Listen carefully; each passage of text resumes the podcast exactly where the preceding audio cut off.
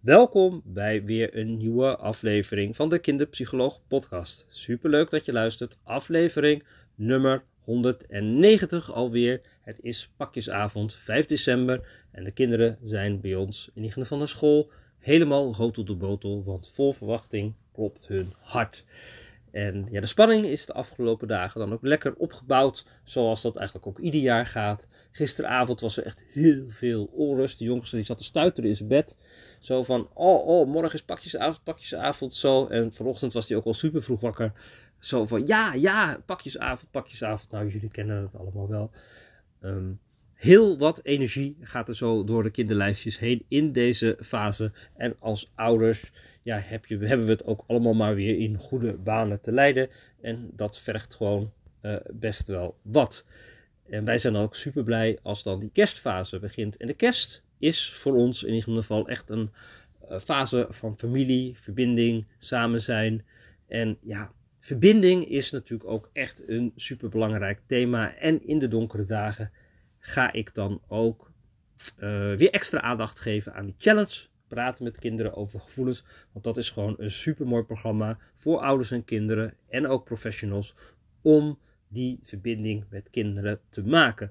Want of je nou ouder bent of professional en werkt met kinderen, hè, je wil um, kinderen het gevoel geven dat ze met hun verhaal bij jou terecht kunnen. En in deze podcast, het is tenslotte ook 5 december, ga ik dan ook weer vijf tips geven over hoe je nu in verbinding kan komen met kinderen. En misschien dat je denkt van, oh, ik heb heel veel goede manieren die heel goed werken. Nou, dat is natuurlijk super. En um, ja, vooral de dingen blijven doen die voor jou en voor jouw kind werken. Uh, en tegelijkertijd uh, zie ik ook heel veel uh, kinderen en ouders worstelen. En dat is echt um, wel echt interessant. Ik zie dan de kinderen bij mij in de praktijk komen die eigenlijk aangeven: ik wil eigenlijk meer contact, meer verbinding, meer samen met papa en mama. En papa en mama ook. Alleen, je ziet het alleen niet gebeuren. En wat er eigenlijk gebeurt is dat de communicatie zo gaat dat uh, ouder en kind eerder uit elkaar gaan dan naar elkaar toe. En ja, uh, dan gun ik zo ouder en kind uh, dat die verbinding weer meer hersteld kan worden. Want ja, op het moment als je als kind je verhaal niet kwijt kan bij papa en mama, dan kom je gewoon heel erg alleen te staan. En ja, dat is natuurlijk niet wat ik kinderen gun. En de ouders eigenlijk ook niet. Um, dus in deze podcast 10 tips voor meer verbinding. En um, nou, de eerste tip, dat is ook wel een tip ja, waar ik ook wel echt super goed in ben. Uh, maar ook jullie kunnen dat gewoon heel makkelijk toepassen. En dat is de wereld door de ogen bekijken van je kind. En um, ja, op het moment dat je helemaal verplaatst in uh, je kind en echt de wereld gaat bekijken, zoals je kind hem waarneemt. Uh, hoe is het om dit kind te zijn? Hoe is het om dit kind te zijn met deze ouders? Hoe gaat dan zo'n dag? Uh, hè, misschien dat je zelfs wel op je knieën kan en op de hoogte kan kijken van je kind. En als je zo een dag doorneemt, als je gewoon alleen maar een dag van een kind gewoon zo helemaal doorneemt, ja, dan kom je ook gewoon. Um, ja, tot de ontdekking van hé, hey, maar dit is wel heel veel, dit is wel heel lastig. En um, dat geeft heel veel inzichten, waardoor je je kind veel beter gaat snappen. En dat is nou precies wat jou gaat zorgen voor verbinding. Want op het moment dat jij je kind beter snapt um, en beter kan aansluiten op daar waar je kind is, dan, ja, dan, dan voelt je kind zich natuurlijk gezien en begrepen en gehoord. En op die manier ga je dan ook echt veel meer verbinding krijgen. Dus echt die wereld bekijken door de ogen van het kind, dat is dan ook echt tip 1. En tweede tip is ook echt aansluiten daar waar het kind is. En ja, we zijn natuurlijk ook druk met onze eigen gedachten, onze eigen gevoelens als ouders. En nou ja, de dingen die we te doen hebben, daar zijn we natuurlijk best druk mee. En um, ja, de stap om van je eigen hoofd te verplaatsen naar uh, je kind is eentje die we soms ook gewoon vergeten. Maar ja, je kind die heeft daar soms ook gewoon hele andere uh, gevoelens in, andere gedachten en die wil ook heel andere dingen doen. Dus wat je dan uh, misschien wel tot de conclusie komt dat de behoefte die jij hebt als ouder heel anders is als de behoefte die je kind heeft. Maar juist door dus echt aan te sluiten bij daar waar het kind is, de behoeften van je kind, om die in ieder geval te zien, dat gaat natuurlijk ook zorgen voor verbinding.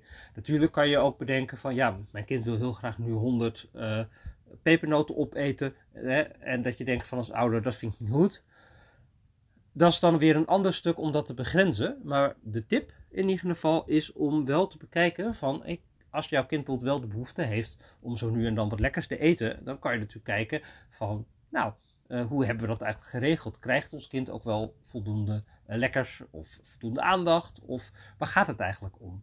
En als je goed weet wat je kind eigenlijk vraagt, dan, uh, nou, dat is dan één. En dan aan de andere kant heb je je eigen behoefte van, ehm, ja, maar ehm, wil ik dat eigenlijk wel? En soms zijn de behoeftes van jou en je kind tegengesteld.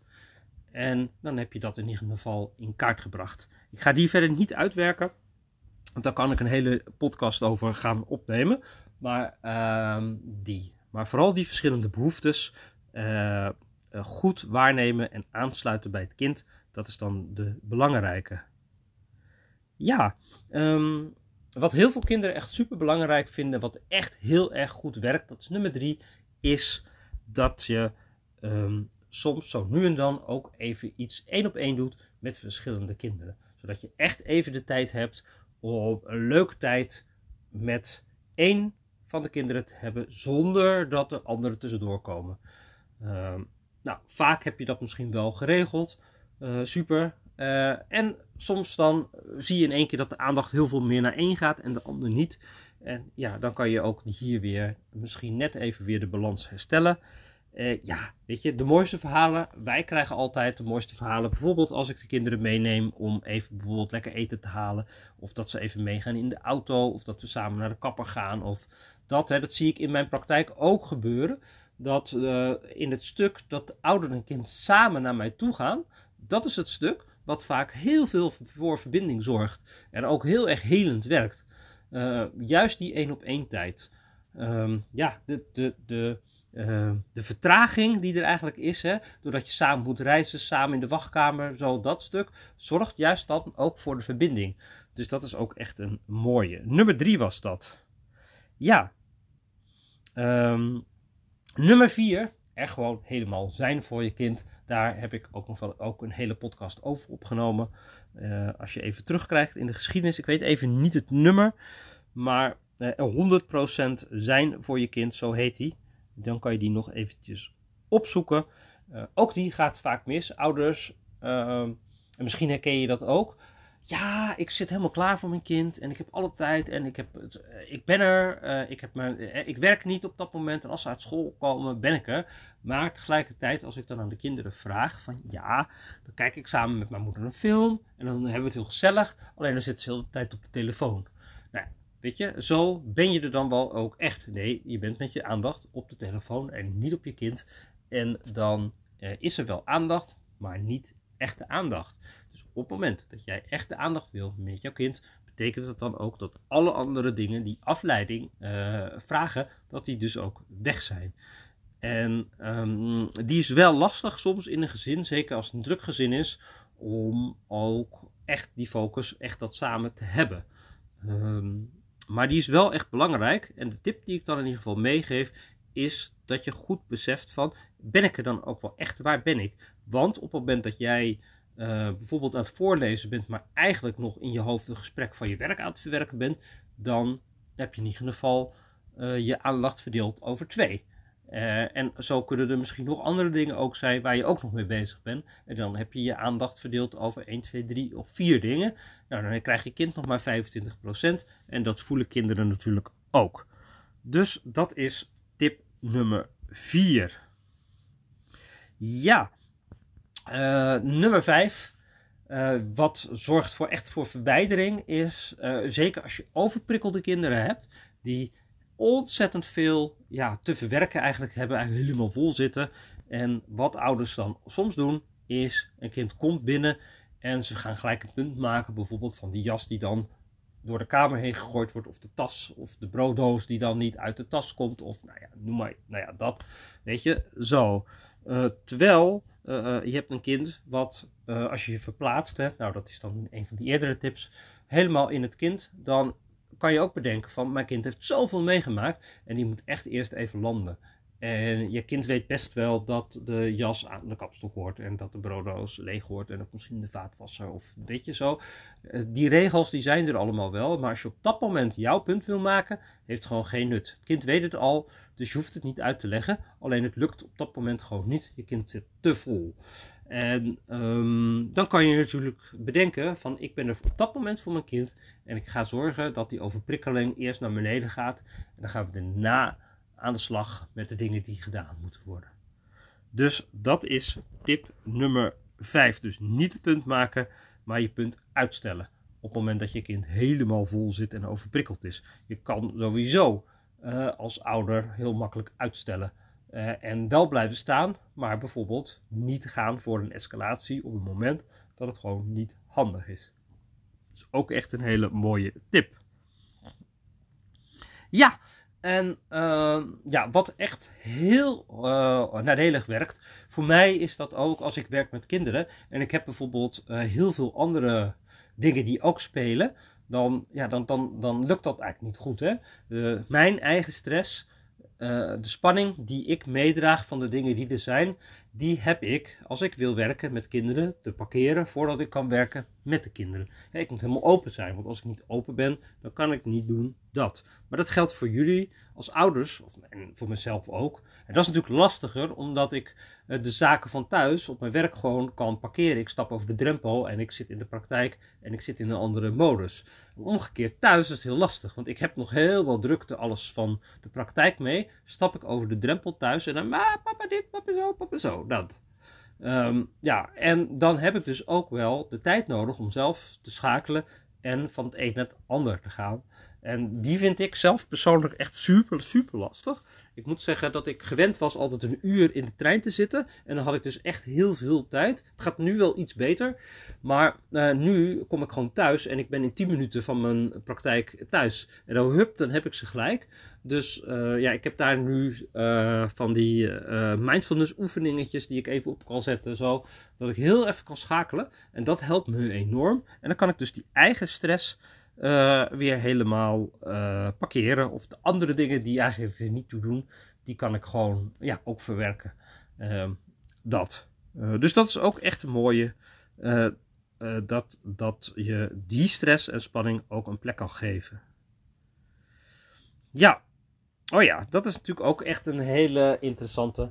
Um, bij ons hebben we natuurlijk heel veel apparaten en misschien bij jullie ook. Heel veel schermen die er zijn. Nou, ik had het al even over mijn eigen telefoon. Maar de kinderen zitten ook heel erg gefocust op een scherm. En op het moment dat zij achter een scherm zitten, nou, dan kan je lullen als brugman. Maar dan uh, krijg je geen contact met ze. Dus al die schermen die moeten echt uit voordat je in gesprek kan. Um, dus op het moment dat ik een spelletje wil initiëren, en met heel leuk, met aandacht en nou ja, zo dat, hè, zoals je zelf misschien ook doet. En, maar ze zitten nog achter het scherm. Dan gaan ze allemaal zeggen, ik heb er geen zin in. Zo, dus dat is niet een hele goede tactiek. Dus dan is het echt belangrijk om die schermen, uh, nou hè, uh, natuurlijk schermen ook leuk. En ook wat, we hebben een sportspel en dat ook heel leuk met z'n allen schermen. En dan uh, gaan we met z'n allen sporten spelen en dan ook naar elkaar kijken. En dan, weet je, dat is bijna net zo gezellig zoals wij vroeger gingen shoelen of gingen dammen of zo. Dus dat, dat is een hele mooie manier. Um, maar tegelijkertijd doen we ook heel vaak bordspellen en dat. Um, en, maar dan heb je een hele andere dynamiek. En dan heb je niet het flits, flits, flits en die geluiden en dat, zeg maar. Um, ja, hè, je gaat niet natuurlijk dan het verhalen krijgen, maar je hebt wel heel veel plezier en je bent wel heel erg samen op het gezin. Dus, nou ja, en dat is natuurlijk ook in de feestdagen uh, ook superleuk. Dan komen vaak bij heel veel families allemaal spellen weer even op tafel. En ja, die verbinden gewoon enorm. Dus ook dat is natuurlijk echt een uh, een hele mooie om ook samen tijd te hebben, maar dan waarbij echt al die mobiele apparaten even geparkeerd zijn. Dat is de kunst om die ook uh, te parkeren. Ja, mijn uh, e-book Grip op schermen gaat daar natuurlijk ook over hoe je dat kan doen. En mijn programma Grip op schermen uh, geeft je natuurlijk ook handvatten hoe je kinderen ook vaardigheden kan leren ten aanzien van schermen. Ja, een andere die ook echt heel waardevol is, is non-verbaal kijken naar wat je ziet bij kinderen. Kinderen hebben natuurlijk niet de woorden, eh, vaak nog niet de woorden, en kunnen nog niet goed uitdrukken wat er niet oké gaat. Maar non-verbaal kan je dat natuurlijk wel. zo ehm, heb ik die ook wel eerder al wel eens gegeven of over verteld. als bijvoorbeeld kinderen ehm, zich verstoppen, bijvoorbeeld. je wil lekker kletsen of zo. En wat kinderen dan doen, gaan ze onder een deken zitten en verstoppen zich. Dus eigenlijk zeggen ze dan: Ik wil nu eigenlijk helemaal niet uh, praten hierover.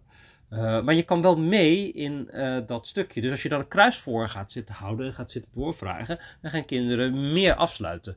Maar op het moment dat je bijvoorbeeld een knuffeltje pakt of zo en zegt van hallo, hoe is het met jou? Dan krijg je wel antwoord, nou, bij mij is het wel goed. Nou, weet je, en op die manier kan je ook gewoon um, wel weer in, het, uh, in, in verbinding komen. En op een gegeven moment komt een muisje aan, kietel, kietel, kietel. Nou ja, zo.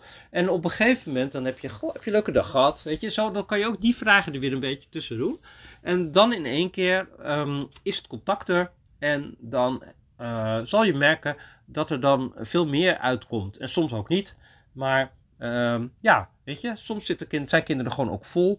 En non-verbaal geven ze natuurlijk gewoon ook echt helemaal weer wat, uh, wat er aan de hand is. Hè? Dus zo'n binnenstormend kind die helemaal overprikkeld binnenkomt van school, dan kan je, ja, die gaat dan op dat moment misschien helemaal niet vertellen op school, maar je weet wel, uh, je ziet zo aan de onrust en dat, er is van alles, maar, en je weet ook misschien wel van nu even laten.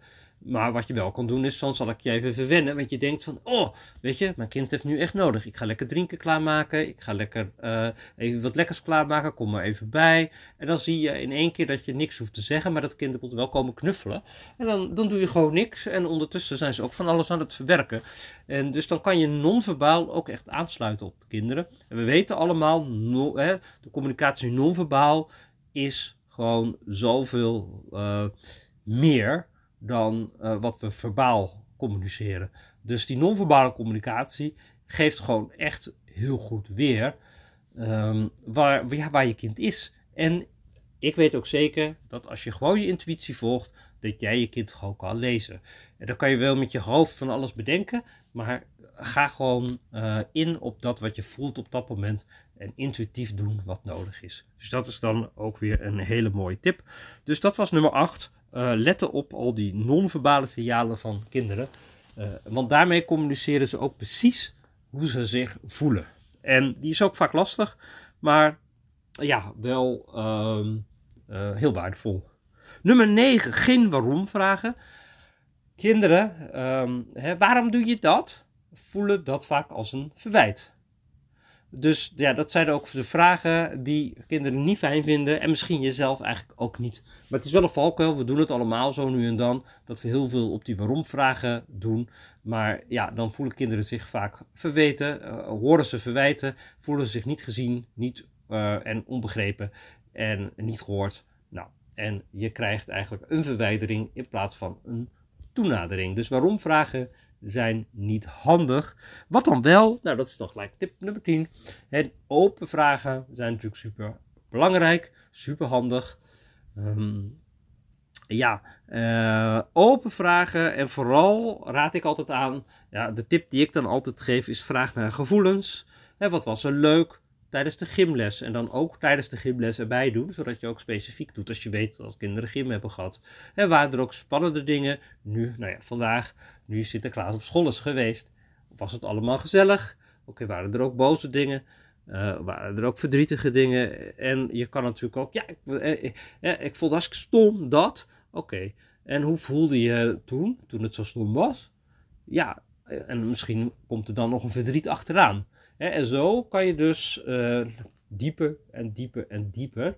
En wat ik heel veel doe, is afwisselen met um, vragen naar het gevoel. Hoe voel je je en wat denk je dan en wat doe je dan? En je kan ook gewoon het antwoord weer herhalen en in je vraag doen. Dus wat ik net ook eigenlijk deed, van op het moment dat, je, dat het stom was, dat je dan zegt van, en hoe voelde je toen, toen het zo stom was? En dan komt er misschien weer een ander gevoel. En soms is het de gedachte die dan komt, maar dan heb je die weer. En die kan je ook weer verwerken in de vervolgende doorvraag. En zo ga je door, door, door. Nou ja, tien hele mooie tips voor verbinding. En ja, misschien denk je wel van, ja, ik wil wel nog veel praktischer aan de slag. met kinderen. En ehm, ja, in de challenge praten met kinderen over gevoelens. Dan heb ik allemaal oefeningen voor je klaarstaan. Uh, die je kan gebruiken om nog meer verbinding te maken met kinderen. En superleuk, want dan uh, gaan we bijvoorbeeld kwaliteiten uh, uitvragen. Daar hebben we dan ook weer een hele mooie manier voor. met tekenen bijvoorbeeld. Maar we gaan ook werken met heel veel spellen. Hoe je bordspellen, hoe je nou een mens erg je niet kan gebruiken. Om, want het mens erg je niet spel is natuurlijk gewoon het hele leven. Gebeuren hele leuke dingen, gebeuren hele moeilijke dingen. Gebeuren, gaat misschien over pesten, gaat over plagen, gaat over doorzettingsvermogen. En hoe kan je nou zo'n spel gebruiken om uh, deze thema's met kinderen te bespreken?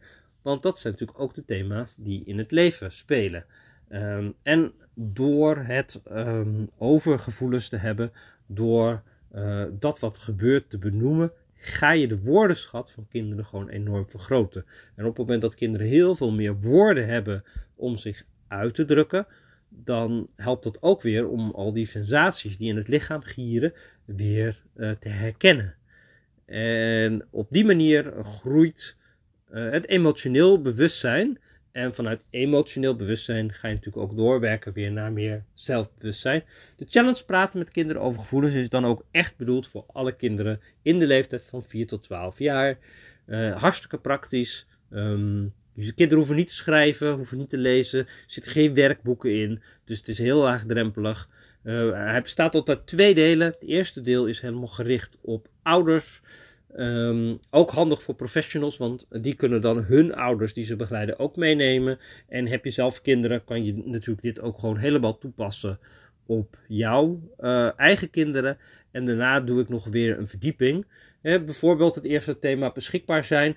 Dan ja, is natuurlijk super interessant. Hoe doe je beschikbaar zijn? Hoe doe je beschikbaar zijn voor uh, als ouder? Nou, ik heb er nu al een mooie tip over gegeven. En uh, ja, dan gaan we dat nog veel meer uitwerken van welke manieren. Dan ga je ook helemaal nadenken over hoe jij die beschikbaar zijn eigenlijk doet. En dat geeft natuurlijk heel mooi inzicht van doe je het wel of niet en waar kan het meer. En ja, daar word je als ouder natuurlijk heel erg meer, hè, je bewustzijn uh, wordt daar natuurlijk heel mooi um, in vergroot, wat nieuwe inzichten oplevert. Nou, dat. Maar als hulpverlener, dan, ja, hoe doe je dat? Hoe laat je nou eigenlijk zien dat jouw kind, wat jij begeleidt, um, weet dat jij er bent voor het kind. Want kinderen zien natuurlijk heel veel volwassenen. En de een is wel te vertrouwen en de ander is niet te vertrouwen. En doe je wel zijn doelen? Of doe je toch stiekem de doelen van de ouder? Of doe je de, de doelen van de organisatie waarvoor je werkt? En als kinderen voelen, of van de school, en als kinderen voelen van ja, jij bent er niet helemaal voor mij, natuurlijk niet met jou praten. Dus hoe ga je zorgen dat kinderen zich openen. En dat is natuurlijk ook weer een mooi inzicht. Nou, dus op die manier uh, werken we een beetje. Ben naar de challenge? Ga dan eventjes naar de website jeugd- en kinderpraktijkrota.nl. Bij de online programma staat de challenge. En als het goed is, ga ik hier ook weer bij deze podcast even wat linkjes zetten. En dan kan je ook uh, via die linkjes ook naar de challenge toe. Um, ja, nou, uh, ik wens je verder een hele mooie Sinterklaas. En dan zie ik je bij een volgende podcast.